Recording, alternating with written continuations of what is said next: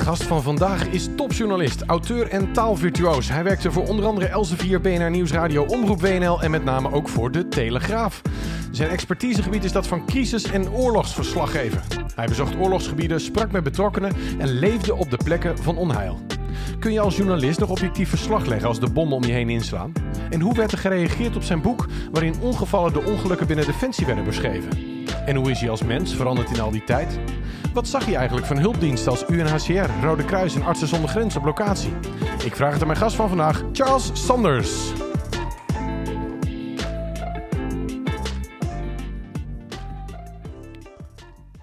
Goedemorgen, Charles. Goedemorgen. Wat ontzettend fijn dat je er bent. Ja, ik vind Een verre rit. Hoe is het met je? Goed. Ja, Goed, gaat het met je? Ja, Wat het leuk. gaat wel goed. Ja. Hey, vertel eens even. Jij bent een ontzettend eh, bijzondere man met een bijzondere loopbaan. Waar is dat allemaal begonnen? Waar ben je opgegroeid? Waar ben je geboren? Eh, ik ben opgegroeid in de, in de Achterhoek. Ja? In eh, Neden vooral. Daarna nog een paar keer verhuisd naar Twente. En, maar ja, ik ben eigenlijk in het oosten van het land ben ik, opgegroeid. Er is helemaal niks van te horen. Nee, ik heb dat ook afgeleerd toen ik eh, naar de school van journalistiek ging. Toen vroegen ze, waar kom je vandaan? Toen zei ik, eh, uit Twente. Ja, dat horen we wel, Ja. toen. Dus dat eh, heb ik geprobeerd zo snel mogelijk dat EN inslikken, zo snel mogelijk af te leren, ja. hey, en waar, wa- uit wat voor gezin kom je? Ik heb twee zussen. Een jongere zus en een oudere zus. En, en mijn ouders, mijn vader werkte voor justitie, ministerie van Justitie. Mijn moeder was verpleegkundige. Oké. Dus, ja. En hoe was jouw kindertijd? Was jij, hoe was jij als kind? Eh, ik was natuurlijk de enige jongen, dus eh, ik was altijd gek op auto's. Ik had geloof ik iets van 300 Dinky Toys. Oh, echt? Waarvan ik er nog een groot aantal nog steeds heb. Ja, die, en die, schijn, die scheen ik elke avond voor het slapen gaan te tellen. Oké. Dus een beetje, beetje autogek was ik toen al. Ja? Want inmiddels heb jij, ben je ook autogek nog altijd. Je, je hebt eh, ooit een hele mooie Porsche gekocht zelfs. Ja. Als, als liefhebber. Dus je hebt echt... Ja, motorfiets en auto's ben ik altijd gek op geweest. Ja, eh, eh, als hobby. En hoe kom je dan eh, terecht bij de journalistiek? Want dan was het logisch geweest om gewoon eh, automonteur, verkoper, importeur, iets te worden. Designer. Nou, ik wilde eigenlijk zoals eh, elke, heel veel jongens, wilde ik natuurlijk bij de luchtmacht werken of piloot worden. Anderen zeggen altijd dat ze op het laatste moment zijn, eh, eruit zijn geknikkerd uit de selectie. Nou, ik was er op de eerste dag was ik al uitgedonderd, want ik snapte er echt helemaal niks van. Ik had, ik had wel wiskunde in mijn pakket, maar dat was het dan ook. Ik was gewoon, nou, qua beta was ik gewoon niet goed genoeg. Dus eh, de eerste dag al misgegaan. En toen dacht ik, wat zou ik dan gaan doen? Dus ik heb eh, eerst de HAVO gedaan, toen VWO. Een jaar overgestapt van vijf HAVO naar zes VWO, omdat ik goede cijfers had. En toen dacht ik, ga rechten studeren. En toen dacht ik, dat ga ik ook niet doen. Dan ga ik eerst de militaire dienst. En dat heb ik toen gedaan. En ik moest de militaire dienst. En toen ik 17 jaar en acht maanden was, ben ik in dienst gegaan. En hoe was die tijd? Vond je dat In leuk? het begin was het natuurlijk, omdat ik best wel verwend was thuis, was het even wennen dat je je, eigen bed moest opmaken. Je kast moest indelen en s ochtends om zeven voor de vlag moest salueren en zo. Maar ik, vond, ik heb wel een geweldige tijd gehad daar. ja. Omdat het, als je nu soldaat bent, dan, ja, dan heb je weinig opleiding en heb je weinig kansen verder in het leven, denk ik. Maar toen was het een heel gemêleerd gezelschap. Ik zat dus jongens die hadden ges- gestudeerd, die hadden echt... eh, ja, die waren, waren al meestal rechter of, of doctorandus. En, en jongens met alleen eh, drie jaar MAVO. En eh, drie tanden nog, weet je. Dus het was heel, Dat is heel die gemêleerd. dienstplicht krijg je eigenlijk dat, dat Ja. een afspiegeling van de maatschappij. Precies, dat was heel goed hoor. Ik vond het echt, eh, echt eh, top. Het was echt, ja, dat was voor iedereen ook. Het was geen, ja, waren natuurlijk altijd van die lui die beweerden dat ze S5 hadden of dat hun broer, dat ze broederdienst hadden die niet hoefde. Maar verder was, was, zat iedereen in dienst. En dat was, ik, voor mij ieder geval heel goed geweest. En ja. nu denk je dat dat meer een afspiegeling is van mensen die voor de kick gaan en sportief zijn en dat soort... Nou, nu heb je twee. Ik ben natuurlijk heel veel met Defensie op pad geweest. En de gewone jongens, zeg maar, die soldaat zijn, ja, dat zijn jongens met weinig opleiding. En Ja. die eigenlijk weinig kans hebben in de rest van de maatschappij. En dan maar in dienst gaan. Ja. Ook voor het avontuur trouwens. Vaak. En je zei ook, eh, eh, ik was natuurlijk heel erg verwend thuis. Was, was, eh, was het zo, werd er lief voor je gezorgd? Altijd gekookt en braaf en hoefde je eigenlijk geen hol te doen? Nee, ik had geloof ik de eerste racefiets met derailleur in de hele, heel Twente destijds. Dus, eh, Oké. dus, nee, ik was al... Je was Dat een verwend jongetje. Ja, ja. Kreitlerbrommer toen ik 16 was en zo. Dus Oh. dat, dat soort dingen, zeg maar. Ja. Oh, hip, hip. Ja. Hey, en militaire dienst en daarna?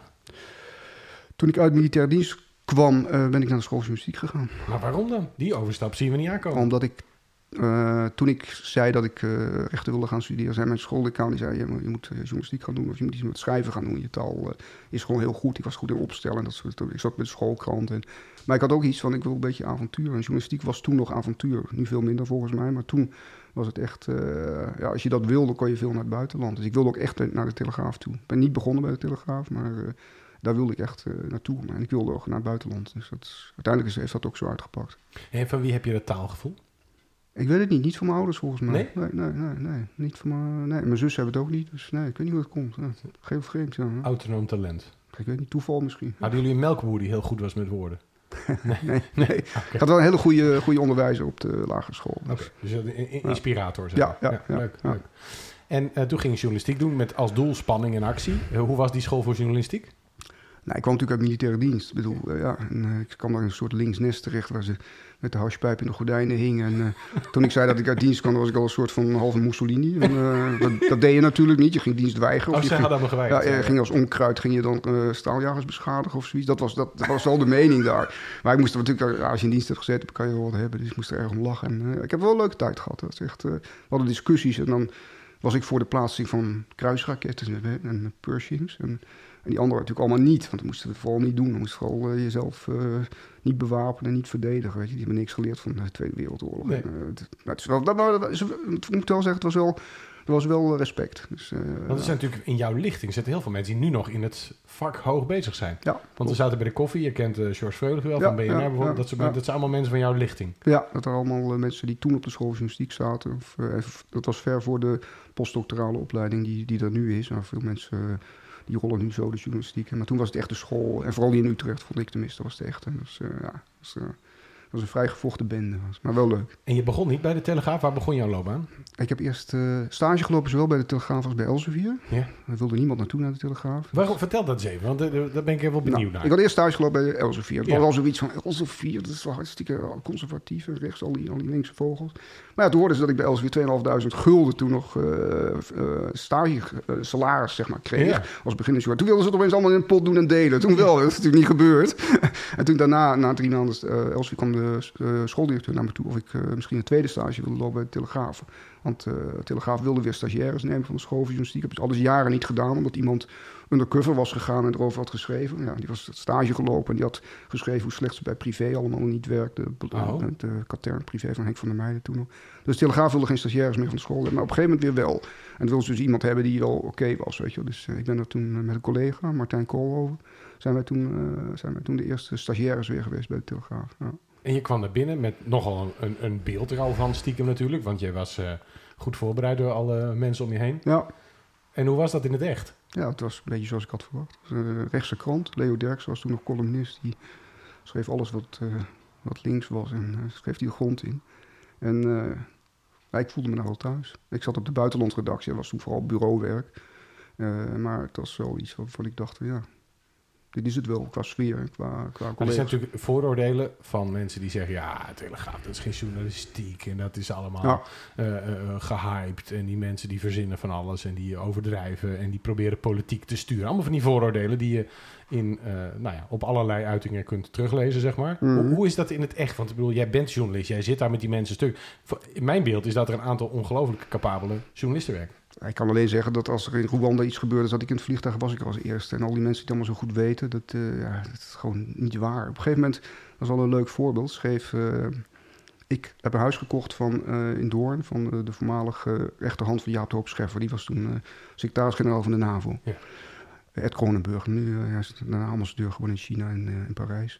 Um, op een gegeven moment, we zitten bij de notaris, Oeruzkan ging spelen. De Nederlandse troepen gingen naar Afghanistan. Dick Berlijn, de, de, de opperbevelhebber. Ja, de commandant de strijdkracht, die zei toen... daar gaan hier zeker 10, 20 doden vallen onder Nederlandse uh, militairen. Die had dat via inlichtingendiensten natuurlijk allemaal... Uh, achteraf had hij ook gelijk. Maar goed, iedereen, journalisten, wilde toen kijken hoe het in Oeruzkan was. Maar Amerikanen vonden het dan... Die hielden, die hielden het niet echt tegen, die vonden het allemaal prima. Maar de Nederlandse uh, defensiestaf hield het tegen. Die wilden daar geen pottenkijkers hebben op dat moment. Dus toen schreef... Maar goed, ik, had, ik kende dus die Kronenburg. Ik zeg van, kan je regelen dat ik met de fotograaf naar Oeruzkan kan? Want voor de Telegraaf, onze jongens, ze kijken hoe het daar is. Hij zegt, ga Jaap vanavond bellen. Dus ik had getekend voor dat huis en s'avonds gaat de telefoon en zegt... kun jij morgenochtend op Ramstein zijn? Dan staat een C-17 klaar. Dan vlieg je, naar, uh, vlieg naar grote Amerikaanse basis. Daar staat de helikopter, de, de Chinook klaar van, uh, van uh, generaal... ik weet niet hoe die heette toen, Amerikaanse bevelhebber daar. En die brengt je naar, naar Tarinkot, dat is waar Nederland naartoe zou gaan, in Oeruzgan. En een dag later zaten wij daar dus. Anderhalve dag later zaten wij daar dus. En toen zei Hans van Balen, die, stuurde me een, uh, die had me gebeld. Hij zei, kun je me terugbellen? Ik had de satelliettelefoon bij me teruggebeld. Hij zegt, uh, morgen hebben we een debat in de Kamer. Hij zegt, wat, wat is uh, de krant morgen van jou? Ik zei, nou, we openen een krant en er staat als kop boven, welkom in Oeroesgan. Hij zei, dat is grappig, want de NRC schrijft net dat, dat het onmogelijk is om daar te komen. Dus uh, hij zei, maar ik zal hem opslaan morgen in het Kamerdebat. Dus dat was dat van televisie Hans van Balen zat uh, welkom in Oerskan te lezen. Terwijl de NRC, kwaliteitskrant, schreef dat het onmogelijk was daar te komen. Was dus wel mogelijk. En is dat, is dat wat de Telegraaf ook deed? Is het, is het echt? Is het meer to the core journalistiek? Ja, het is echt... eh, als, eh, ja, ik zal ik ze een voorbeeld geven. Eerst golfoorlog. Ik zat in, werkte toen bij Elsevier en eh, toen ben ik teruggegaan naar de Telegraaf. Omdat ze eh, iemand hebben, wilden hebben in Israël. En we hadden toen geen correspondent daar. En het was duidelijk dat, die, eh, dat Saddam die skutraket op Tel Aviv zou afschieten. Dus ze wilden iemand hebben die naar, eh, die naar Tel Aviv wilde. Ik ben toen, eh, ik geloof dat ik begin januari, rond 10 januari, naar Israël ben gegaan. Met de laatste vlucht van El Al die nog naar Tel Aviv eh, vloog vanwege het gevaar daar. Nou, de toestel hadden eerst Joden op in eh, Kopenhagen en in, eh, in, in Stockholm. En vloog toen naar, naar, naar Tel Aviv. En ik heb daar alles bij elkaar bijna drie maanden gezeten. Dus wij waren er wel altijd als eerste vaak en het langst. En wel natuurlijk ook de financiële middelen. Ik had een hotelrekening van, naar Israël van geloof ik 29.000 dollar of zo. Dus dat was met de krant allemaal geen probleem. Dat, dat konden ze bij de Volkskrant natuurlijk allemaal niet betalen. Bij de NRC. je kunt het allemaal heel goed van achter hun bureau allemaal, allemaal duiden. Maar in de praktijk aanwezig zijn. Nou, ik heb ze zelden gezien. Maar dan ben jij een, een, een jongen uit een goed gezin. Uh, uit Twente. En, en, en, en redelijk onschuldig opgegroeid en braaf en leuk. En dan in één keer zit je midden in de oorlog. Ja. Wat, waar, allereerst, waarom vond je dit leuk? Wat, wat, trek, wat trek je daarin? Ben je een sensatiezoeker? Ja, een beetje wel, ja, misschien. Ja, ik hou ook van motorrijden. Ik was met 305 op een motor gereden. Living on the edge. Ik heb F-16 gevlogen met Dick Berlijn. En F-18 van de, van, de, van de Amerikanen. Ben gevlogen in de dual-seater. En uh, ja, ik vind dat wel, wel kikker spannende dingen. Ja. En ik vond eerlijk gezegd... Ik, zat, kwam op een kamer binnen, kamer 1815, weet ik nog steeds, uh, in, uh, in Israël. Het Hilton Hotel. Het enige hotel dat nog open was.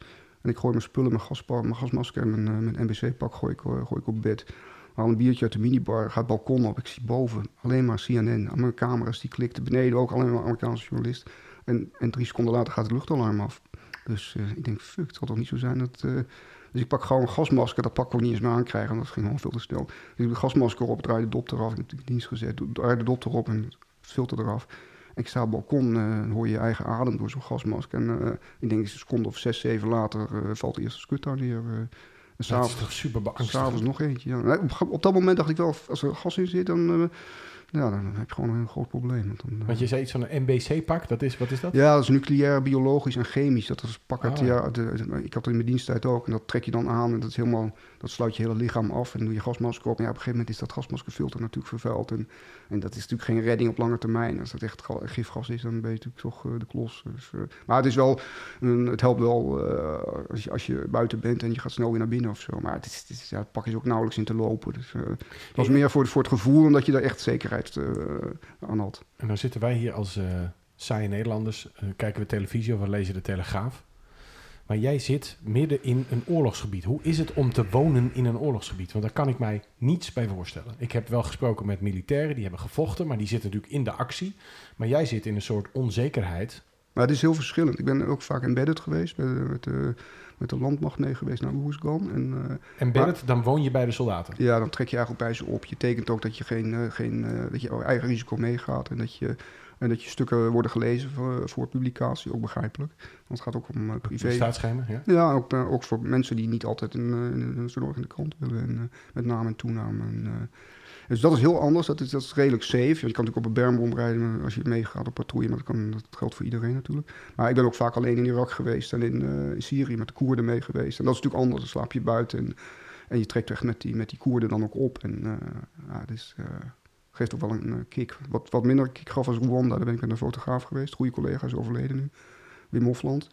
En daar, uh, we landen in Goma, in Oost-Zaire, dat deed nu Congo. En dat was echt verschrikkelijk, echt uh, Ma nou ja, hier rookte dood, daar overal lagen lijken. En die werden dan met ongebluste kalk werden die begraven. En dat stonk vreselijk. En, en, en je had ook je kindsoldaten, die wilden dan jouw laarzen hebben. Ik ben niet groot en die kindsoldaten ook niet. Die wilden uitrekenen mijn maat 39 uh, jungle boots hebben. Terwijl ik daar nog drie weken moest rondlopen. Dus dan gaf je wat geld, dat je dan in je, in je kleding overal kleine bedragen verstopt. Dan haal je 50 dollar uit. En uh, briefjes van 5 of 10. Maar daar liepen gewoon kinderen met een militair jou... Ja, met een AK-47. Die, die, die, en, en, helemaal gedrogeerd. Of dronken of gedrogeerd. En die zijn bloed, dat was echt bloedlink. Ja. En wat doet dit met je als je 30 jaar lang, op een of andere manier heb je dat 30 jaar lang volgehouden? 24 jaar. Vier, ja. Of nou ja, 30 jaar als journalist, maar 24 jaar dat. 24 jaar dat, ja. Want ik, heb, ik uh, sprak onlangs een, een, collega van jou, uh, die dat ook voor de NOS heeft gedaan. En die, die merkt echt dat hij daar PTSS-achtige verschijnselen over had gehouden. Uh, Wouter Kurbershoek. Oh ja, die ken ik goed. Ja. Die ken ja. ik uit de, uit de Tweede Golfoorlog. Ja, ja hele aardige man. Hij ja. doet veel dingen als dagvoorzitter nu. Maar Ik, die zei echt van, ik heb er echt last van. Hoe is dat voor jou? Nee, ik heb er niet zozeer eh, last van. Het is niet zo dat ik s'nachts wakker word en denk van... "Pff, wat was dat vreselijk in Rwanda. Maar als er dan iets anders in je leven gebeurt... En, eh, ik zeg maar een andere tegenslag... dan krijg je er wel last van. Dan, eh, dan, dan hoopt zich dat als het ware op. En dat heb ik wel meegemaakt, ja. Maar en, en, en op wat voor manier hoopt zich dat dan op? Nou, ik, ja, ik ga daar niet te veel over zeggen. Maar mijn, mijn, mijn loopbaan bij de Telegraaf eindigt op een hele nare manier. Dat er iemand kwam te zitten waar ik absoluut niet mee overweg kon. En dat is uiteindelijk is dat in een voor mij goede financiële regeling geëindigd. Maar, maar op dat moment dat dat gebeurt, dat je weet, dit stopt. En ik moet een advocaat nemen. En ik moet eh, tegen de werkgever waar ik, waar ik 26 jaar echt geweldig werk voor heb gedaan, opeens tegen vechten. Dan komt het wel terug. Dan slaap je sowieso al slecht. En dan denk je, godverdien, wat heb, wat heb ik toen in Rwanda, waarom heb ik niet meer gedaan? Ik had heel veel spullen bij me, waarom heb ik dat niet aan die kinderen gegeven toen ik wegging? Ik kwam thuis terug en via, via Nairobi met de Luftwaffe vlogen we notabene de Luftwaffe. Vlogen we naar Nairobi en dan zat ik in een vijfsterren hotel. Ik deed mijn tas open, ik zag al die koekjes en al die, al die liga-dingen. Ik denk, waarom heb ik die niet aan die kinderen? Dat soort dingen denk je dan aan terug. En, dan- en ja, dat is niet altijd even... En die koekjes hadden het niet gered, maar dat is dan toch een had er helemaal niks Ja, uitgemaakt, maar het is voor ja. jezelf. Je, je Ja. denkt van, nou, zelfs dat moet ik nog mee terugnemen. En je voelt je soms een beetje ramptoerist. Dat eh had ik ook in, eh in Srebrenica, weet je. Dan was, ik- ben ik ook geweest. En eh, dan ben je daar 1, 2, 3 weken. En jij gaat weer lekker terug. En die mensen die zitten daar die, in die vreselijke ellende. En die, die komen er nauwelijks uit. Dat is, eh, ja, het is, je hebt altijd het gevoel van, jij doet het een tijdje. En je gaat weer terug naar je, naar je huis. En je, je, waar alles oké Zij is. blijven En- achter, En zij blijven achter, ja, ja. Daarom vraag ik me ook af of die missies, zoals Oeroes kan had alleen geholpen. Het is nu weer een puinhoop daar. Er ligt de branden daar nooit meer, zoals, zoals toen die Nederlanders er zaten. Of het nou zin heeft gehad. Als je het doet, moet je het, moet je het eigenlijk blijven doen. Maar heeft oorlog ooit zin? Nou ja, Wat is het probleem in die landen? Wat is de kern? Want jij zit daar een hele tijd je aanschouwt. Wat is de kern van het probleem? Of je nou in Tel Aviv zit of in Oerskan. nou, het zijn natuurlijk heel vaak religie. is- Het is bijna altijd religie die eh, de ellende veroorzaakt. En Maar krijg je daar dan ook een afkeer van? nou, ik ga zelf nooit naar de kerk in elk geval. nee. Dat, zo had ik je niet ingezet zelfs. Nee, nee. Ik ben katholiek, maar ik, ga- nee, ik heb niks met religie. Ik vind, het, heeft alleen maar, het veroorzaakt alleen maar ellende volgens mij. Ja. Maar Ik heb, eh, nee, en, en, en wat ik ook niet begrijp is dat, dat, eh, dat de afkeer in, in eh, islamitische landen, afkeer van het Westen, die is zo groot dat ik ook niet geloof dat je een land als Saoedi-Arabië of Kuwait als bondgenoot moet zien. Want uiteindelijk zijn het geen bondgenoten. If the shit hits the fan, schiet hij je kop eraf. Ja, ja, ja, en dat is hier ook. Ik bedoel, je hebt gehoord wat eh, na 9-11 gebeurde in, op Schiphol. Dat bij de kofferafhandeling werd er gejaagd toen ze zagen dat die vliegtuigen de, de, Twin. Towers, de, de, de, ja, Twin Towers invlogen. En, eh, ja, en dat heb ik ook meegemaakt in dat soort landen. Hoor. Eh, vragen waar je vandaan komt. Ik heb mijn uiterlijk mee, dus ik val daar niet echt op. Maar na 11 september ben ik naar, met een fotograaf, Rob de Jong. Typisch Nederlander, 1,90 meter blond, grote, grote kop. Ja. Eh, zijn wij naar, eh, via Parijs naar, eh, naar eh, Pakistan gevlogen. En eh, naar de Khyberpas, de grens van Pakistan en Afghanistan. En dat was een grote demonstratie in Peshawar, waar heel veel Afghaners, Afghaanse vluchtelingen zaten. Een anti-westerse demonstratie, vlak na 11 september, moet je nagaan. Amerikanen waren op zo'n punt om Afghanistan binnen te vallen. En Rob die kreeg de eerste steen, die kreeg, eh, die kreeg hij op zijn kop, want eh, hij was een blanke eh, Europeaan. Dus hij, hij was de vijand eigenlijk. Hij is toen ook was een freelancer. Hij, ik moest, hij moest ook terug van de hoofdredactie. Dus ik heb hem naar het vliegveld van Islamabad gebracht en hij vloog terug. En jij hebt niet een helemaal noordelijk, noordelijk Nederlands Nee, uitleg, nee, zeg maar. nee. Dus jij... jij eh, Nee, mijn moeder is in eh, Indië, Nederlands-Indië geboren. Ja. Ik mocht nooit Indonesië zeggen. Nederlands-Indië was het toen nog. En, dus, ik Maar jij noemt kort- jezelf geks, gekscherend het Koreaantje af en toe, hè? Dus dat, Ja, dat komt van, van de Koerden in, Oh, in. Syrië.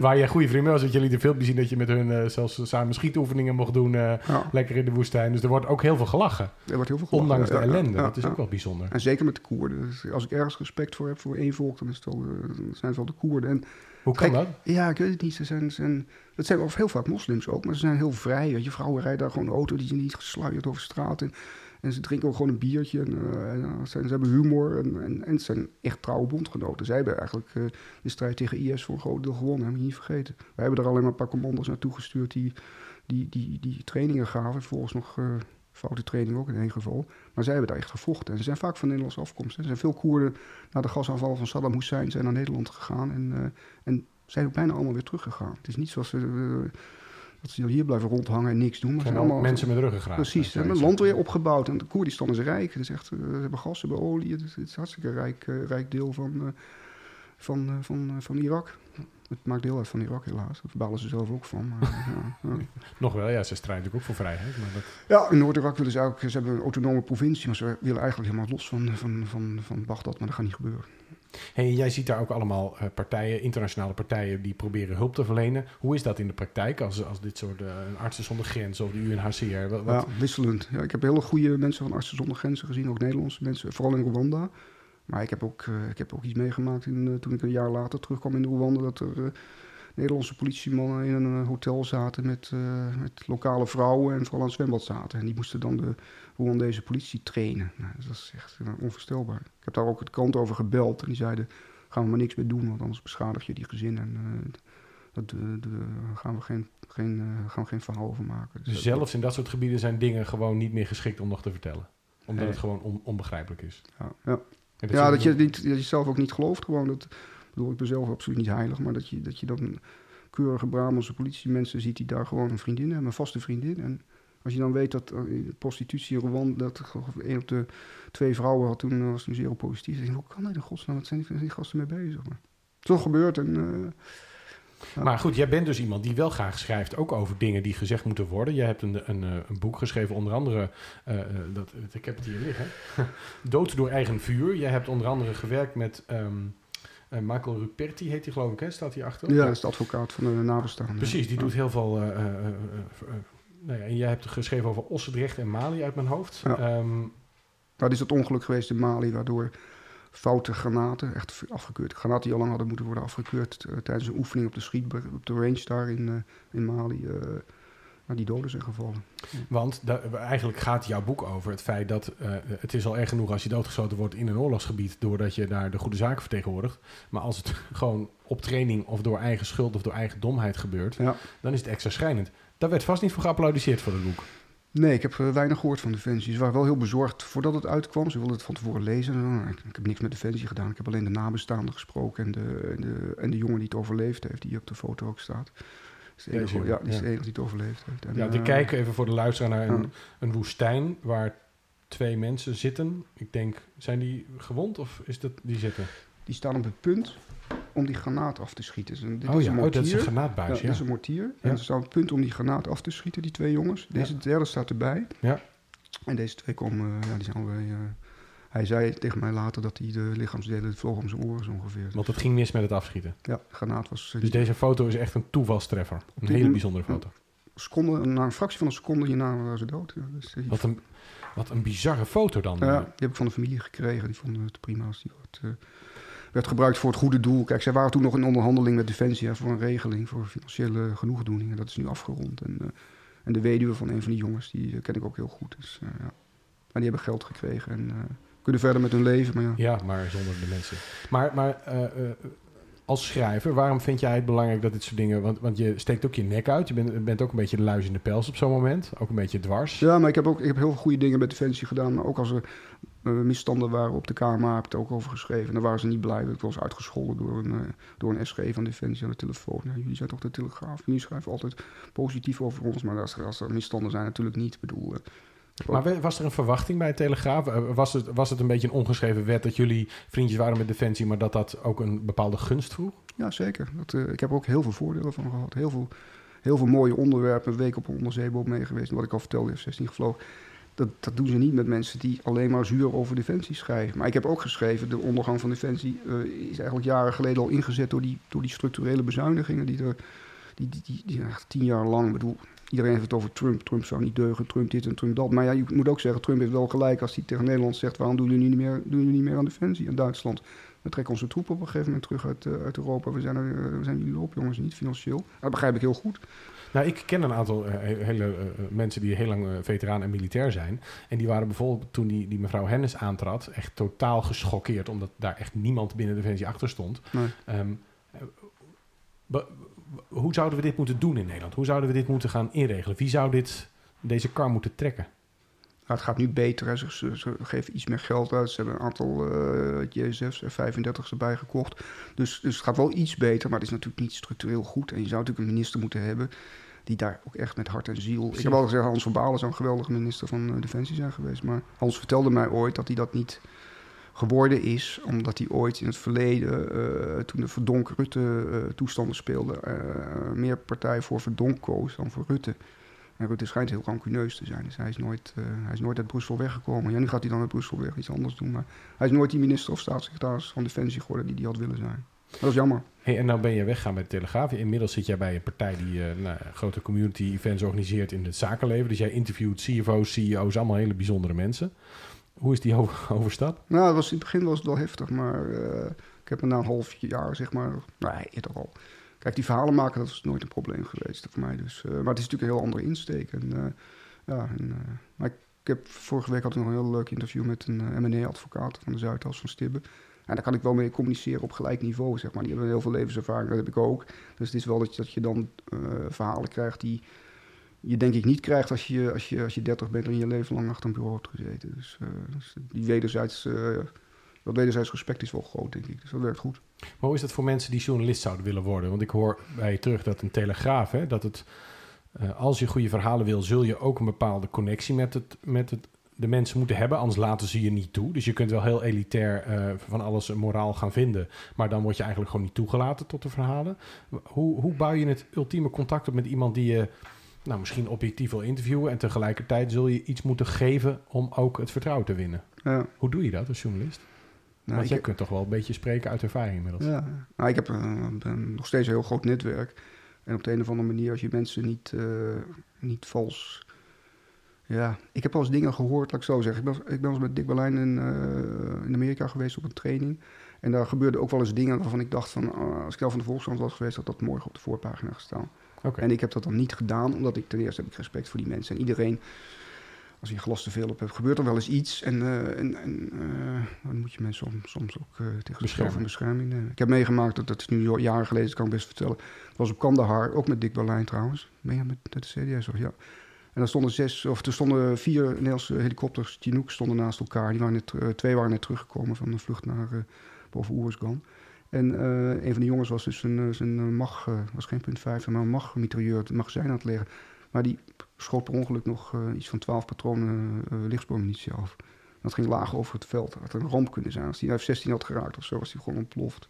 En ik keek Dick Berlijn zo aan en uh, zo'n blik van verstandhouding. En uh, we hebben verder nooit meer over gesproken. En ik heb ook niks meer gedaan. Nee, maar goed, daar is ook geen slechte intentie van zo'n Nee, nee, dus, maar het is natuurlijk wel een heel grote fout. En dat er heel erg verkeerd kunnen aflopen. Ja, en, en, en hebben dan mensen van de Volkskrant de illusie dat er geen fouten gemaakt mogen of kunnen worden? Ja, dat weet ik ook niet hoor. Maar ik denk wel dat ze dat die wat. Uh, ja, die willen altijd zo, zo nodig kritisch zijn, weet je. Want het is goed prima om kritisch te zijn, maar het hoeft niet altijd.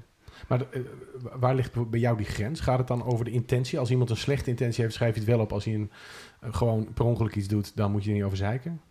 Ja, dat ook. En, ja, en iedereen heeft natuurlijk zijn persoonlijke voorkeur. Ik heb al iets met, uh, met Defensie gehad, maar ik ben ook al wel kritisch geweest. Dus uh, dat betreft kan ik mezelf in de spiegel aankijken. En hoe was het? Want je werkte met, met Ruperti, die, die advocaat. Onder andere, ik heb ook veel met Knoops gedaan. Dus, Geert-Jan Knoops, ja, die is nu ja. ook advocaat van de staat, geloof ik, hè? Inmiddels uh, hij, is nu, nou, hij is wel de bekendste advocaat van uh, Inmiddels is hij de nieuwe Moskovits een beetje aan het worden. Ja, ja, hij is ook beter. dat denk ik ook, ja. En hoe is het met dit soort mensen? Want jij, hebt, jij werkt met heel veel bijzondere mensen. Want je noemt even zo'n Dick Berlijn. Dat zijn natuurlijk wel in, in defensiekringen hele belangrijke mensen. Je werkt met uh, hooggeplaatste politici. waren die ook bang voor jou?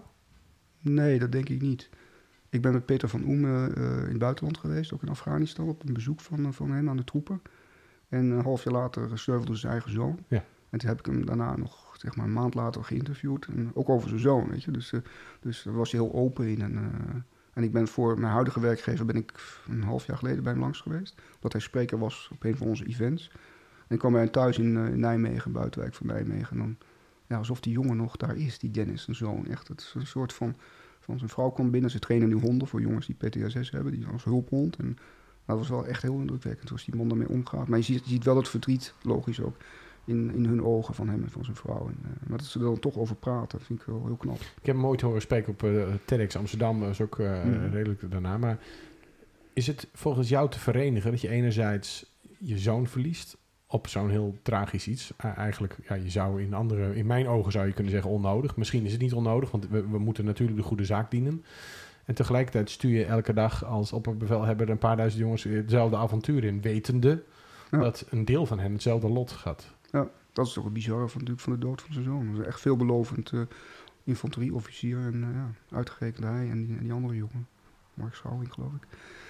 Ja, die zijn toen, eh, die zijn toen gesneuveld. En ik denk dat, dat Peter van Oem, ja, die wist natuurlijk, die weet natuurlijk wat er, wat er, wat er kon gebeuren. En, en die kreeg s'nachts een telefoontje alsof er een, eh, iemand op een bermbom was gereden. Dus uh, toen was het eigen zo. Ja, die kans is natuurlijk niet heel, maar het is toch gebeurd.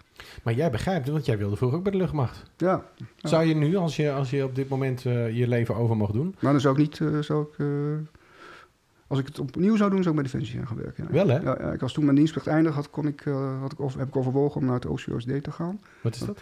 Ja, dat was toen de verkorte officiersopleiding. Het heette op, Opleidingscentrum Officieren Speciale Diensten. Wat nu de KMA is? Nee, de KMA was er toen ook al, maar dat oh, was een okay. langjarig traject. Dat was vier jaar en dat was ook wetenschappelijk. En dit was gewoon meer op de praktijk gericht. Je kon ook niet hoger worden dan major, was het hoofdeind. Dus meer HBO in plaats van universitair. Ja, precies. En dat wilde ik graag, omdat ik geen zin had om nog jaren te studeren natuurlijk. En dat heb ik wel overwogen. Dat heb ik op het laatste moment toch niet gedaan. En ben ik toch naar school van gegaan. Maar als, als ik het opnieuw... Maar ik was ver gekomen, denk ik, in die organisatie. Omdat ik ook weet...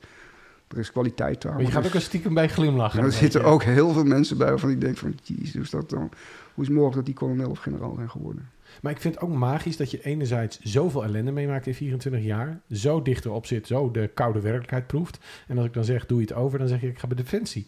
Ja, maar, Wat is dat nou dat je dat... Omdat ik dat toch, ja, ik weet niet. Het is toch... Uh, omdat ik ook weet hoe de journalistiek nu is. Wat ik heb gedaan uh, al die jaren, dat is er niet meer. Je, kan, uh, je springt niet meer in een vliegtuig. Nee, maar los, je had ook kunnen zeggen, ik word dierarts, weet je wel. Maar ja, je zegt gewoon, ik ga met een grote grijns, ik ga bij Defensie. Ja, dat had ik gedaan. Ja, omdat het toch een beetje het avontuur is. Ik ben ook in Mali geweest en al die plekken geweest. Het is toch ja, dat is wel gaaf werk. Dus voor, ten eerste is het voor een goed doel, zo zie ik het echt. Maar zie ja, voelt dat, want da, daar ben ik benieuwd naar. Want ik denk dat heel veel mensen dat moeilijk in. De, de, de, je hebt snel de neiging te zeggen: ah, joh, we moeten helemaal geen leger, we moeten niet vechten. Oh, ja, ja, zeg maar. ja, Hoe werkt dat? Hoe, hoe, hoe, hoe werkt dat in de mens? Vind ik onzin. Dat, uh, ja, leg eens uit. Want ik denk dat er echt mensen zijn die dat denken als je dit oh, ja, ja. zegt. Ja, die altijd steunen op andere landen die je dan wel helpen als de Russen straks hier voor de deur staan. Nou, ik, ik, uh, ik heb daar weinig respect voor. Dan hadden we nu Duits gesproken. was ik hier niet eens geweest trouwens. Was mijn moeder nooit hier naar Nederland gekomen. Dus nou, ik, ik, begrijp dat gewoon niet dat mensen denken dat een leger niet nodig is. Of dat je aan, aan 12 straaljagers genoeg hebt of zo. Dat is gewoon onzin. Maar is het, is het echt oprecht denkbaar dat wij over tien jaar hier de Russen aankloppen? Of, of nou, ik, ik, ik zou er wel voor uitkijken als je ziet wat er allemaal gebeurt. En wat veel zorgelijker is, Trump en ook als hij niet zou worden herkozen, ook zijn opvolger, ik denk dat hij wel wordt herkozen, maar goed, die, die gaan echt uh, Europa niet beschermen hoor. Die gaan die troepen langzaam maar zeker terughalen die allemaal in Duitsland gelegerd zijn. Dus we moeten het zelf doen straks. Nou, ga jij eens even lekker met Nederland, wat doet Nederland aan defensie? Of Luxemburg en België, Duitsland, heel weinig hoor. Fransen, Engeland straks met de, met de Brexit, die steeds meer richting Amerika opschuiven. Nee, ik, ik, denk dat het heel verstandig is om een sterk leger te hebben. Ja. ja tegelijkertijd, als ik het hoor zeggen, denk ik, ja, maar we, we, tegenwoordig zijn de mensen toch slimmer dan dat ze nog die oorlog willen? Nou, dat denk ik niet. Mensen zijn nooit slimmer geworden op dat gebied. Denk je echt dat Poetin, uh, dat, dat hij niet achter allerlei, uh, allerlei zaken zit die hier misgaan? Dat denk ik misschien wel, ja. Maar, maar dat is nog een andere stap dan uh, massa-eliminatie met een oorlog. Ja, maar je kan wel zeggen, als, als die Amerikanen straks weg zijn... en de, daar zijn ze natuurlijk wel bang voor. voor maar, en het slappe Europese bende hier... dat ze wel steeds meer invloed willen gaan uitoefenen. Steeds meer gaan hacken en, en storingen gaan veroorzaken. Ik denk dat dat een groot risico is. Dat, het belangrijk is om, uh, om, ook digitaal sterk te zijn. Daar zijn ze wel mee bezig bij Defensie. Maar als je dan ziet dat het IT-project uh, na jaren, jaren, jaren gewoon compleet mislukt is. Dat ze daar opnieuw mee beginnen nu. Dat denk ik een van de gasten in mijn uh, podcast is Frank Grandia, die is hoofd Cybersecurity Center. Dus ze hebben van de KMA, dus de mensen die echt in opleiding zijn tot uh, generaal, die laten ze nu zeg maar de afdeling runnen op die cybersecurity. Zodat je en de nerds hebt en een paar serieuze militairen die zeggen, ja, ja dat is goed. gaan we wel doen. Dus, dus uh, ik denk dat ze ergens intern ook wel een lichtje hebben zien branden.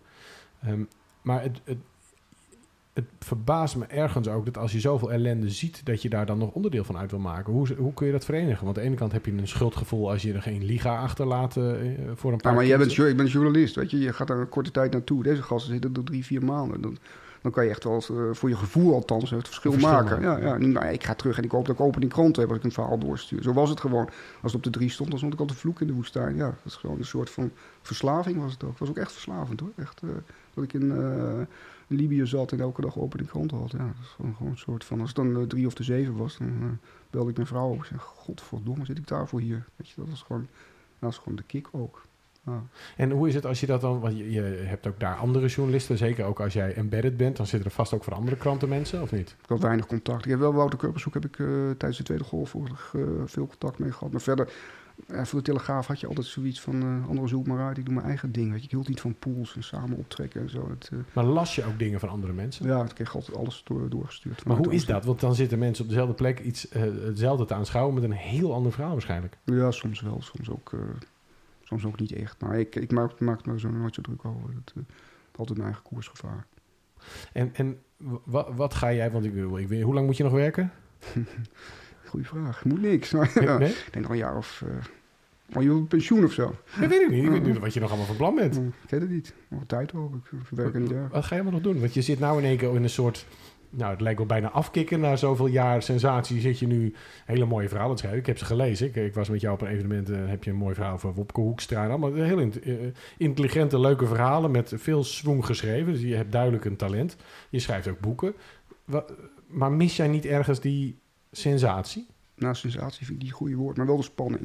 Ik heb ook voorgenomen dat ik volgend jaar ga ik nog een keer terug naar Noord-Irak. Mijn uh, Koerdische vrienden dan gaan we in de bergen barbecuen. Dan gaan we in Mosul kijken, waar, uh, waar ik toen ook was. En uh, ook wel, ik, een aantal, aantal plekken wil ik naartoe terug. Ik wil nog een keer naar Donetsk, waar ik naar MA17 ben geweest. En een paar hele aardige, aardige Oekraïners heb ontmoet en uh, gezinnen. En dan wil ik nog een keer naartoe terug. Dus dat ben ik wel echt van plan en dat ga ik ook echt doen. Dus als dat niet volgend jaar, loop van volgend jaar, en, ja. Maar is dat een betrokkenheid? Ben je eigenlijk ja. gewoon heel erg betrokken bij al die mensen? Ja, ja. Ben je eigenlijk een hele gevoelige jongen? Nou, dat niet. Maar ik heb wel uh, zoiets verhalen. Nou, ik ken weinig journalisten die zeggen... ik ga nog eens een gezin bezoeken... dat ik zo ontzettend fijn vond of die aardige mensen. Ik heb nog steeds contact met ze, bij de wekelijks. Dus ja, Maar dat duidt er dan toch op dat je veel betrokkener bent... dan de gemiddelde journalist? Maakt dat ook dat je verhalen beter zijn? Dat weet ik niet. Ik ben nu terug uit die frontlinie weg. Hè, dus dat is makkelijker dan... Ik zit niet meer bij een krant... waar je dagelijks dat geheig van een of andere chef... die niks kan achter je, achter je hebt. of in je rug hebt, of in je nek hebt. Dat, dat, heb ik niet meer. Dus voor mij is dat misschien ook makkelijker... dan wanneer je nu al bij de Volkskrant of bij, uh, bij RTL werkt. Ik denk dat dat al, wel anders is. Ja, dat snap ik. Maar er zijn ook weinig gepensioneerden die zeggen... ik ga nog even terug ja, en ik ja. ga het allemaal bezoeken. Ja. Maar ik heb dat wel. Ik heb dat op, uh, heel sterk. Zo. Steeds, uh, ja, dat wordt misschien zelfs wel erger. Wordt, ja. Ja. Zeker Donetsk en, ja, en vooral... en voelt het dan niet, niet afgehecht? Of is het gewoon puur interesse in die mensen? Nee, dus interesse in die mensen en ook in de plekken. Ik wil terug naar het stadje waar ik toen was... dat net gebombardeerd was en waar waar IS-prostituees uh, eigen bordeel had. En ja, dat, ik wil nog wel zien hoe het is geworden daar. Ik zou ook heel graag terug gaan naar Afghanistan, maar ik denk dat dat daar een kot is. Ja, het is Taliban-land nu geworden weer, dus daar kom je niet in. Of daar kom je misschien wel in, maar dat, dat doe ik niet. Dus je gaat nog een paar dingen bezoeken. Ga, gaan we nog dingen van je lezen? Gaan er nog nieuwe boeken komen? Gaan er, ga, ga, je een, ga je iets maken? Nou, ik zou nog een boek willen maken over, over de, echt de verhalen achter de verhalen. Weet je, hoe kom je in Donetsk? Ik had een hele, hele ik kwam terug van de Bahamas, van de vakantie, uh, MA17. Het was net op de krant MA17 uh, gebeurd. Ik zag meteen al het voedsel verdwenen daar en daar. Ik wist meteen dat er aan de hand was. Meteen dat het, uh, dat het met die gevechtstoestanden daar te maken had. En toen was een collega van mij, die was in Kharkov met het regeringstoestand een paar dagen later. En die wilde niet door naar Donetsk. Kijk, Kharkov kan iedere gek komen, daar vlieg je gewoon naartoe. En hij zat nog in het regeringstoestand ook. Maar doorgaan naar Donetsk is natuurlijk een ander verhaal. Dus hij belde de nieuwschef, die, zei van ga je naar, uh, nu naar Donetsk, want daar gebeurt het toch, het is allemaal gebeurd. En toen zei hij van nee, ik heb een uh, afspraak met mijn vrouw en mijn kinderen dat ik niet naar oorlogsgebied ga. Oh. Nee.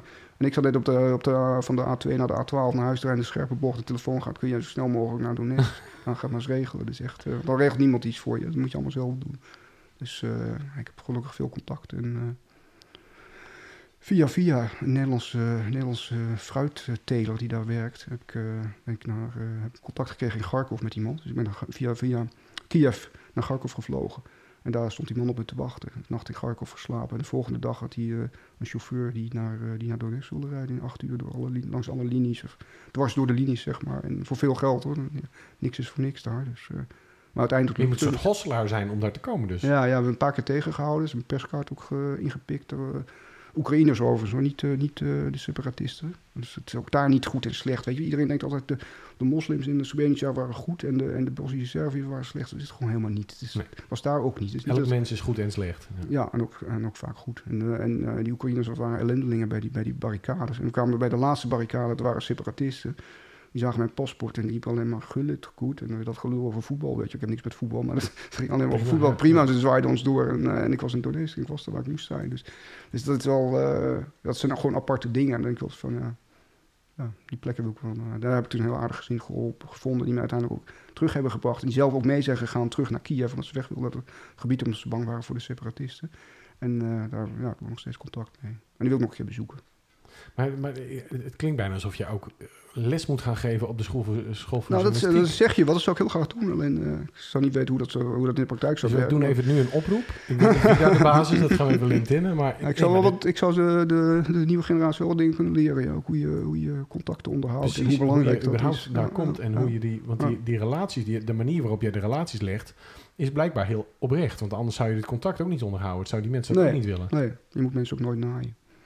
Voor een verhaal. Ja, maar goed, dat, dat is een beetje een contradictie met hoe mensen soms natuurlijk naar een telegraaf kijken. Dat ze Ja, eigenlijk een je- beeld hebben. Weet je wat hoe mensen naar de Telegraaf kijken? Dat, het is altijd zo geweest. Dat is, eh, dat is ook een soort jaloezie geweest in de, in de hele, hele journalistieke branche. Zeg maar. Wij hadden natuurlijk de beste salarissen, de beste dieselauto's, de eerste laptops, de mobiele telefoons, satelliettelefoons. Wij hadden gewoon alles, omdat het goed ging met het bedrijf. Maar jullie En- hadden ook Henk van der Meijden, die begon met allemaal roddel en shit. En daardoor heb je natuurlijk ook... Dan werd meteen dat doorgetrokken naar de journalisten. Ja. Maar dat is natuurlijk niet een terechte... Nee, nou heb ik weinig problemen persoonlijk met Henk van der Meijden. Hoor. Dus, Ik heb, eh, nou, ik, de grappige is, ik heb later met Hans Klok gewerkt en dat deed Henk met Monica. Hij heeft een prachtig bedrijf, Stardust. Hele aardige man trouwens, heel Ja. Dus ik, ik ken heel, ik ben ook te jong denk ik om zijn. Maar ik ken ook Evert Zontergoed, die het nu doet. Ook super, eh, super Aardig aardig, werk. ja, en ja. zijn werk is anders dan het werk van andere mensen bij de krant. Ja. Maar ook, ook blijkbaar eh, is er behoefte aan. Want, eh, Nee, maar een Joep van het Hek, wat natuurlijk Ah, van ja. een linkse Ja, cabaretier ja. is, waar ik overigens vroeger wel redelijk fan van was, inmiddels niet meer zo. Maar die, die heeft echt een hele sketch waar die Henk van der Meijden tot zijn veters afvikt, zoals hij zelf zegt. ja. Dus dat Op een gegeven moment ging een van onze hoofddirecteuren weg, Hans de Haas. En toen dachten ze, er was iemand van het feestcomité... die was zo dom om Joep van het Hek te bellen... of die daar eh, een voorstelling voor wilde geven. Oh, Joep van het Hek zei, er kunnen voor mij niet genoeg mensen weggaan bij de Telegraaf. Dus ik bedank voor de eer. ja, ja, ja, dat is wel. Die zijn natuurlijk heel anders. Maar, maar het is wel mooi om te horen dat ook daar dus die, die journalistiek op zo'n hoog niveau wordt bedreven. En ook op zo'n unieke manier. Want het klinkt niet alsof wat jij doet eh usance is. Nee, je moet wel... eh, ja, ja, het is ook zo... het is natuurlijk niet zo goed voor je privéleven... als je zo vaak weg bent en in dat, soort gebieden bent. Dat is toch Nee, want niet, wat is de eh, prijs die je hebt moeten betalen? ja. ja, je wordt geen vrolijke mens van over het algemeen. Oké. Ja. En, en, en eh, heb, je daar, heb je daar nog steeds last van dat je niet, dat je niet een vrolijk mens bent? Ja, soms wel. Ik ga niet graag naar feestjes toe. En eh, als je nieuwe buren krijgt, hoef ik niet zo goed nodig bij zo langs, weet je wel. Gewoon zo gelukkig ver weg. Maar ik heb er gewoon niet zo behoefte aan. En, ik wil liever erg op mezelf eigenlijk, ja. Ja, e- ergens heel erg op jezelf in Nederland, maar tegelijkertijd wil je heel graag die mensen bezoeken Ja. die zo lief waren. Ja. Dus het is ook, Omdat die ook... eh, maar die begrijpen het ook. ja, maar die hebben je ook in, eh, geholpen op een manier dat je echt in... Nou, ik wil niet zeggen in nood zit, maar bij mij was altijd de stress... was niet van eh rijdt deze IPR eh, in de Belucci-vallei op een, eh, op een bermbom. Want dan staat er een, blond jochie naast me van 18 en die is dan ook dood. Je? Waarom zou ik me dan meer zorgen moeten maken dan de jongen die heel opgeruimd is? Dat was het nooit bij mij. Bij mij was het altijd, krijg ik dat verhaal op tijd weg. Een van de jongens ooit tegen mij... "Pff, we zijn er, we zijn in, eh, we zijn in Kamp Holland terug. Gelukkig, eh, jij moet nog dat verhaal maken. Wij gaan lekker slapen. Weet je, dacht, oh, we zijn godverdikke. Dan moet je maar zien weg te komen met je satelliettelefoon. En dat was de stress die ik had. Niet zozeer van angst of, of, behalve Rwanda. Dat was wel, eh, omdat die kinderen allemaal doodgingen. Dat vond ik wel heel erg. Maar, of het was allemaal erg, maar dat, was, dat schreef me wel toen aan. Omdat ook toen thuis kwam, stonken mijn laarzen nog steeds naar, naar lijken. Ik heb ze ook weggegooid uiteindelijk. Dus, dus, maar ja, ik heb nooit stress gehad van, van, van angst of zo. Ook niet in Irak, ook niet toen ik in Bagdad was. Dat, Het was eigenlijk meer gewoon overspannenheid bijna van de werkdruk. ja, die was best wel. eh, omdat je ook. Maar ik had ook een soort van eergevoel. Ik wilde dan ook. Die opening krant hebben en die zaterdagreportage hebben, die eerste, weet je, niet de tweede of de derde. Oh, altijd voor de hoofdprijs gaan. En dat, dat ja, op een gegeven moment maak je dat natuurlijk niet. En eh, voor wie moest je dat bewijzen? dat weet ik niet, dat wilde ik gewoon zelf altijd. En ben je daar inmiddels overheen, denk je? Of als je morgen weer dat werk zou doen, zou je het weer hebben? Nee, dat werk bestaat niet meer, dus dat heb ik ook helemaal afgesloten. Dus, dat- nee, nee. Maar ik had op school wilde ik had ik liever, ik had liever een 7 als de rest 5 had, dan een 9 als iemand een 10 had. Dat is vreemd, eh, vreemd als dat. Nou ja, ja. winnaarsmentaliteit zou je dat ook wel kunnen noemen, ja, toch? dat had ik altijd wel, ja. Heb misschien nog steeds wel. Alleen eh, omdat ik niet meer in die dagelijkse eh, gekte van de krant zit, is dat, is dat wel wat weggeëpt. Hey, en, en eh, we hadden het net al even de vraag neergelegd van wat ga je de komende tien jaar doen eh, als de school van journalistiek niet belt. Wanneer, wanneer kijk jij op je, op je pensioengerechtigde leeftijd, eh, whatever that may be, kijk je terug dat je denkt, nou, het is goed geweest. Ja, dat is moeilijk om te zeggen.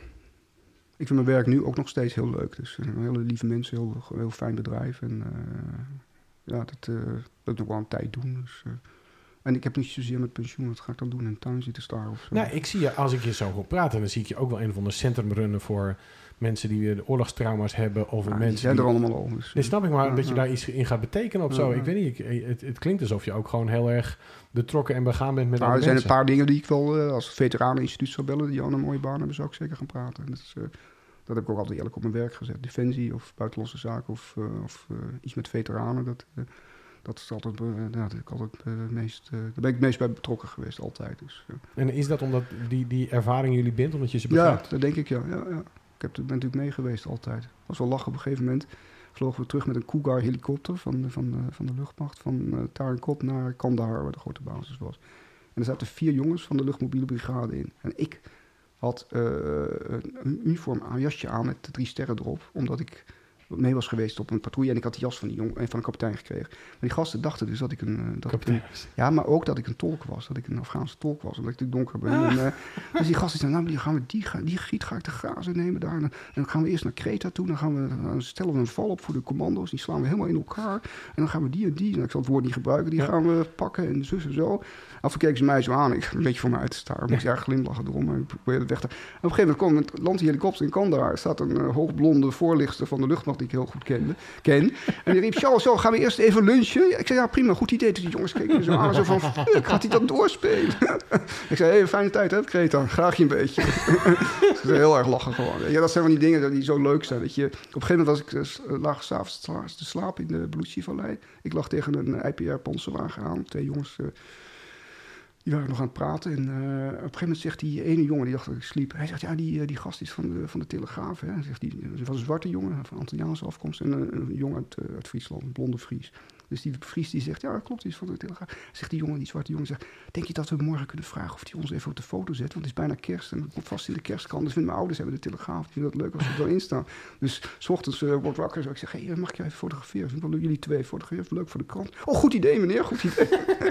ja, weer zo aan lachen. En het, het, leuke was, stond ook echt uh, acht kolom stond dat hij met kerst oh, stond op de, de tweede katern. Ja, echt heel groot. Oh, dus, maar is dat ook niet, zou dat ook niet goed zijn voor de Defensie dat je dat soort verhalen beschrijft? De mooie verhalen. Dat daar dus een boek over komt. Want dit is natuurlijk eigenlijk, hè, de, ja. nou, jij ook, je schrijft natuurlijk iets wat heftig is en sensatie. Maar er zijn ook heel veel mooie verhalen ja, over broederschap, ja, over goede dingen. Uh, uh, ik, nou, ik zit er wel over te denken om dat te doen. ja. die verhalen eromheen. weet je. En hoe kom je in die F-18 van de... Dat was wel lachen. Ik had in die F-16 gevlogen met Dick Berlijn. Echt, ik, ik, dood en doodziek was ik. En, ik dat gaat heel hard ook. Oh, ik had gekneusde ribben en uh, maar ik kwam kotsen dat vliegtuig uit. Ik had die zak nog een beetje verstopt op Leeuwarden. grondpersoneel, ja, bij 3 2 seconden is wel de bloed. Iedereen zijn eigen zak opruimt. Die stond nog voor lul ook nog natuurlijk. en een maand later bellen, belt de luchtmacht op. Jos van der Leij, toen hoofd uh, voorlicht. Ja, de Blue Angels komen. Dat is het uh, zeg maar demonstratieteam van de Amerikaanse marine luchtvaart. Dat zijn geel-blauwe F-18 Hornets. En die vliegen ook in werkelijkheid ook vanaf uh, vliegtuigschepen. Maar, maar de beste vliegers daarvan, die uh, vormen dat stuntteam, demonstratieteam echt. En die kwamen dus naar de open dag van de luchtmacht, een soort speciale attractie. Ja. Dus Jos belt me op. Hij zegt, ja, de Blue Angels komen. We hebben één uh, plek voor, uh, voor een. Uh, wil je mee? Ik zeg, nou, ik ben nog steeds... Mijn ribben doen nog steeds zo pijn. Ik heb er niet zoveel zin in. Hij zei, oh, dan bel ik je collega. Hoor ik kloppen. Ik zei, nou, laat mij, kom wel. Ik denk, ja, alles beter dan dat iemand anders het gaat doen natuurlijk. Binnen de Telegraaf. Die aan de andere kant had, had ik gedacht, oké. Okay. Maar dat wilde ik natuurlijk niet. Dus dat heb ik alsnog gedaan. Dat is wel een heel triest verhaal. Het was een hele mooie vlucht. Ja. En, uh, en toen hoorde ik, een half jaar later was ik in Afghanistan. En toen kwam het bericht dat een van die Blue Angels uh, was neergestort tegen een hoogspanningsmast en uh, oh, ja. omgekomen. Dat was precies die vlieger die ik had. Had callsign als Kojak, weet je, maar hij was kaal. Ja. Dus een callsign als Kojak en uh, dat is de bijnaam van vliegers die ze gebruiken in de lucht, hè, Kojak. Ja. En Dick Berlijn heet bijvoorbeeld Quickie als callsign. ik weet niet of dat goed is, maar ja. ja, dat is wel een goede. Ik weet wat de reden is waarom die Quickie werd genoemd, maar ja, okay. zal ik hier maar niet zeggen. Maar die jongen uitgerekend, die Kojak is toen omgekomen. Dus dan denk je ook van, hoe kan het nou weer zo gaan in het leven? Dus die... Zijn ouders stonden te kijken. We echt geweldige vlieger, maar net iets te laag uitgekomen. En een hoogspanningsmast geraakt en ponk weer. Ja. ja. Ja, maar dat, dat, die intensiteit en die dualiteit van de ene kant de spanning en de mooiste dingen en de belangrijkste dingen ter wereld doen en tegelijkertijd daar gewoon je leven voor kunnen geven, dat uh, geeft zoveel mooie verhalen dat het volgens mij heel mooi is als mensen dat meekrijgen. Nog los van het feit dat je natuurlijk bij de journalisten kunt gaan leren hoe je dit gaat doen, maar ook Mhm. de mooie verhalen optekenen en misschien ook wel van de mensen in oorlogsgebieden die zien, hè, die Ja. families die jij kent, van ja, het heeft toch wel echt geholpen. Ja. Dat, dat geluid, dat hoor ik niet vaak. Nee, dat is ook een geluid. Dat vraag me af of mensen dat willen horen. Misschien wel willen lezen, maar Kijk, voor, voor, voor een medium kan je niet gebruiken, voor krant of televisie. Is- Maar voor een mooi boek wel. Ja, dat is waar. Ja, ja. Dus En ik denk ook wel dat het heel veel applaus krijgt. En dat het ook een hele... eh, want ik, ik heb gewerkt met veel veteranen eh, die PTSS hebben. En het grootste probleem waar ze mee strijden is het onbegrip van de maatschappij. Ja. Dus ik denk dat heel veel mensen blij zijn als ook de goede dingen worden opgetekend. En de, Ik ken heel veel jongens die... eh, ik ben daar toen zelf geweest. Uh, Srebrenica hebben precies die, precies die jongens bedoel ik. Ja, Ja, Die zijn natuurlijk, eh, die zijn natuurlijk schandelijk behandeld door Nederland. Echt. Ja, maar die zaten in de tuin te barbecue en dan hadden de buren niet door dat ze er waren. En dan hoorden ze gewoon zeggen, ja, die smeerlap van die naast, die heeft ook mensen lopen. Ja. Ik, eh, ik sprak Karmans, eh, die woont nou in Gavea in Spanje. En die wordt, uh, die zit toch steeds die enorme hangsnoor die iedereen herkent. En dan wordt, uh, daar loopt die moslimmoordenaar, wordt er wel eens tegen Ja. gezegd. Nou ja, maar dat is toch bizar? Ja, maar dat is ook wat mensen totaal geen begrippen. En, en de fout van de politiek en ook het Koningshuis in dit geval. Ik wil niet veel zeggen, maar ik was in Camp Plezo toen, toen troepen terugkwamen.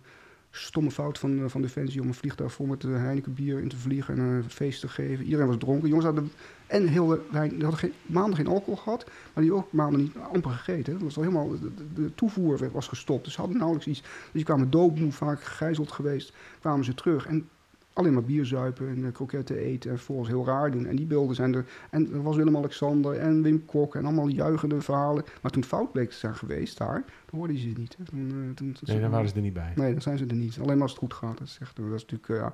En toen zijn ze neergesabeld. En ik ken één jongen, Dirk Zwaan, daar heb ik nog heel veel contact mee. Die is, die is echt ook heel zwaar ziek geweest. En die werkt nou weer als fotograaf gelukkig. Maar die is, ja, het is gewoon niet, die jongens zijn niet goed behandeld. Het is een generatie van er zijn een paar honderd mensen geweest, maar uh, een paar zelfmoorden ook. En uh, dat is niet oké okay gegaan. En als jij morgen het Veteraneninstituut uh, belt en die wilde dat jij daar komt werken, wat zou je daar gaan doen? Nou, Waar hebben deze jongens het hardst nodig?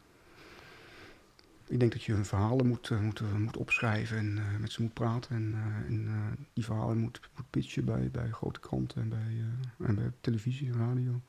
En, en ook andere, maar niet alleen maar ellende, maar ook hoe ze het nu doen. Weet je. Er zijn ook jongens die het wel heel goed doen. Mm -hmm. Merendeel heeft geen last. Dus die, die verhalen ook. ook ik denk dat je ja, proberen de maatschappij te, te, te, ervan te overtuigen dat wat zij gedaan hebben daar, dat dat, en hoe het al is afgelopen, dat het niet zozeer de fout van hun of van Nederland was, maar meer van uh, de internationale gemeenschap. Dus ook de nuance van de verhalen veel meer ja. uh, voor het voetlicht brengen. Ja, ja. Hey, en uh, jij gaat dus nog een hoop doen, dat is, dat is helder. Heb jij nog een laatste uh, levensles die je wilt delen van... oké, okay, dit heeft eigenlijk die 24 jaar, als ik dat samenvat... dat is eigenlijk wat het mij gebracht heeft als mens. Persoonlijk bedoel je als mens? Ja, persoonlijk als mens. Nou, ik heb, denk dat ik... als ik naar televisie kijk en uh, ellende zie in sommige landen... dat ik wel weet wat daar, wat, daar, wat daar ook achter zit en wat voor... Dat heel makkelijk is in Nederland om overal kritiek op te hebben, alles beter te weten, maar wel s ochtends naar de Albert Heijn te gaan en met je autootje in de file te gaan staan. Dus, uh, dat heb ik niet. Ik bedoel, ik, heb niet, ik weet wel wat er echt gebeurd is. Gebeurt in de wereld en gebeurd is in de wereld. En dat maakt je toch ook in Nederland wel anders dan anderen, denk ik. Maar dus ook niet per definitie vrolijker? Nee, dat sowieso niet. Nee, nee, nee. Ik kan wel heel erg lachen, ik heb wel humor ook, denk ik, maar echt vrolijk. Nee, dat is de prijs die je hebt betaald. Misschien voor wel, ja. Misschien ja. wel. Maar, maar, misschien zat het ook in mijn karakter, dat ik nooit was. Dus uh, kan natuurlijk ook. Zie eens foto's van mezelf als peuter en dan kijk ik ook niet echt vrolijk. Dus boze peuter. boze peuter, ja. Nou, hey, ontzettend dank dat je er was. Uh, ontzettend bedankt uh, voor het luisteren. Dit was een uh, gesprek met Charles Sanders. ben je benieuwd? Bestel zijn boek Dood door eigen vuur. Staat nou ja, gewoon bol.com overal te verkrijgen. Hij heeft nog veel meer geschreven. Ga het onderzoeken. Dankjewel voor het luisteren en heel graag tot de volgende.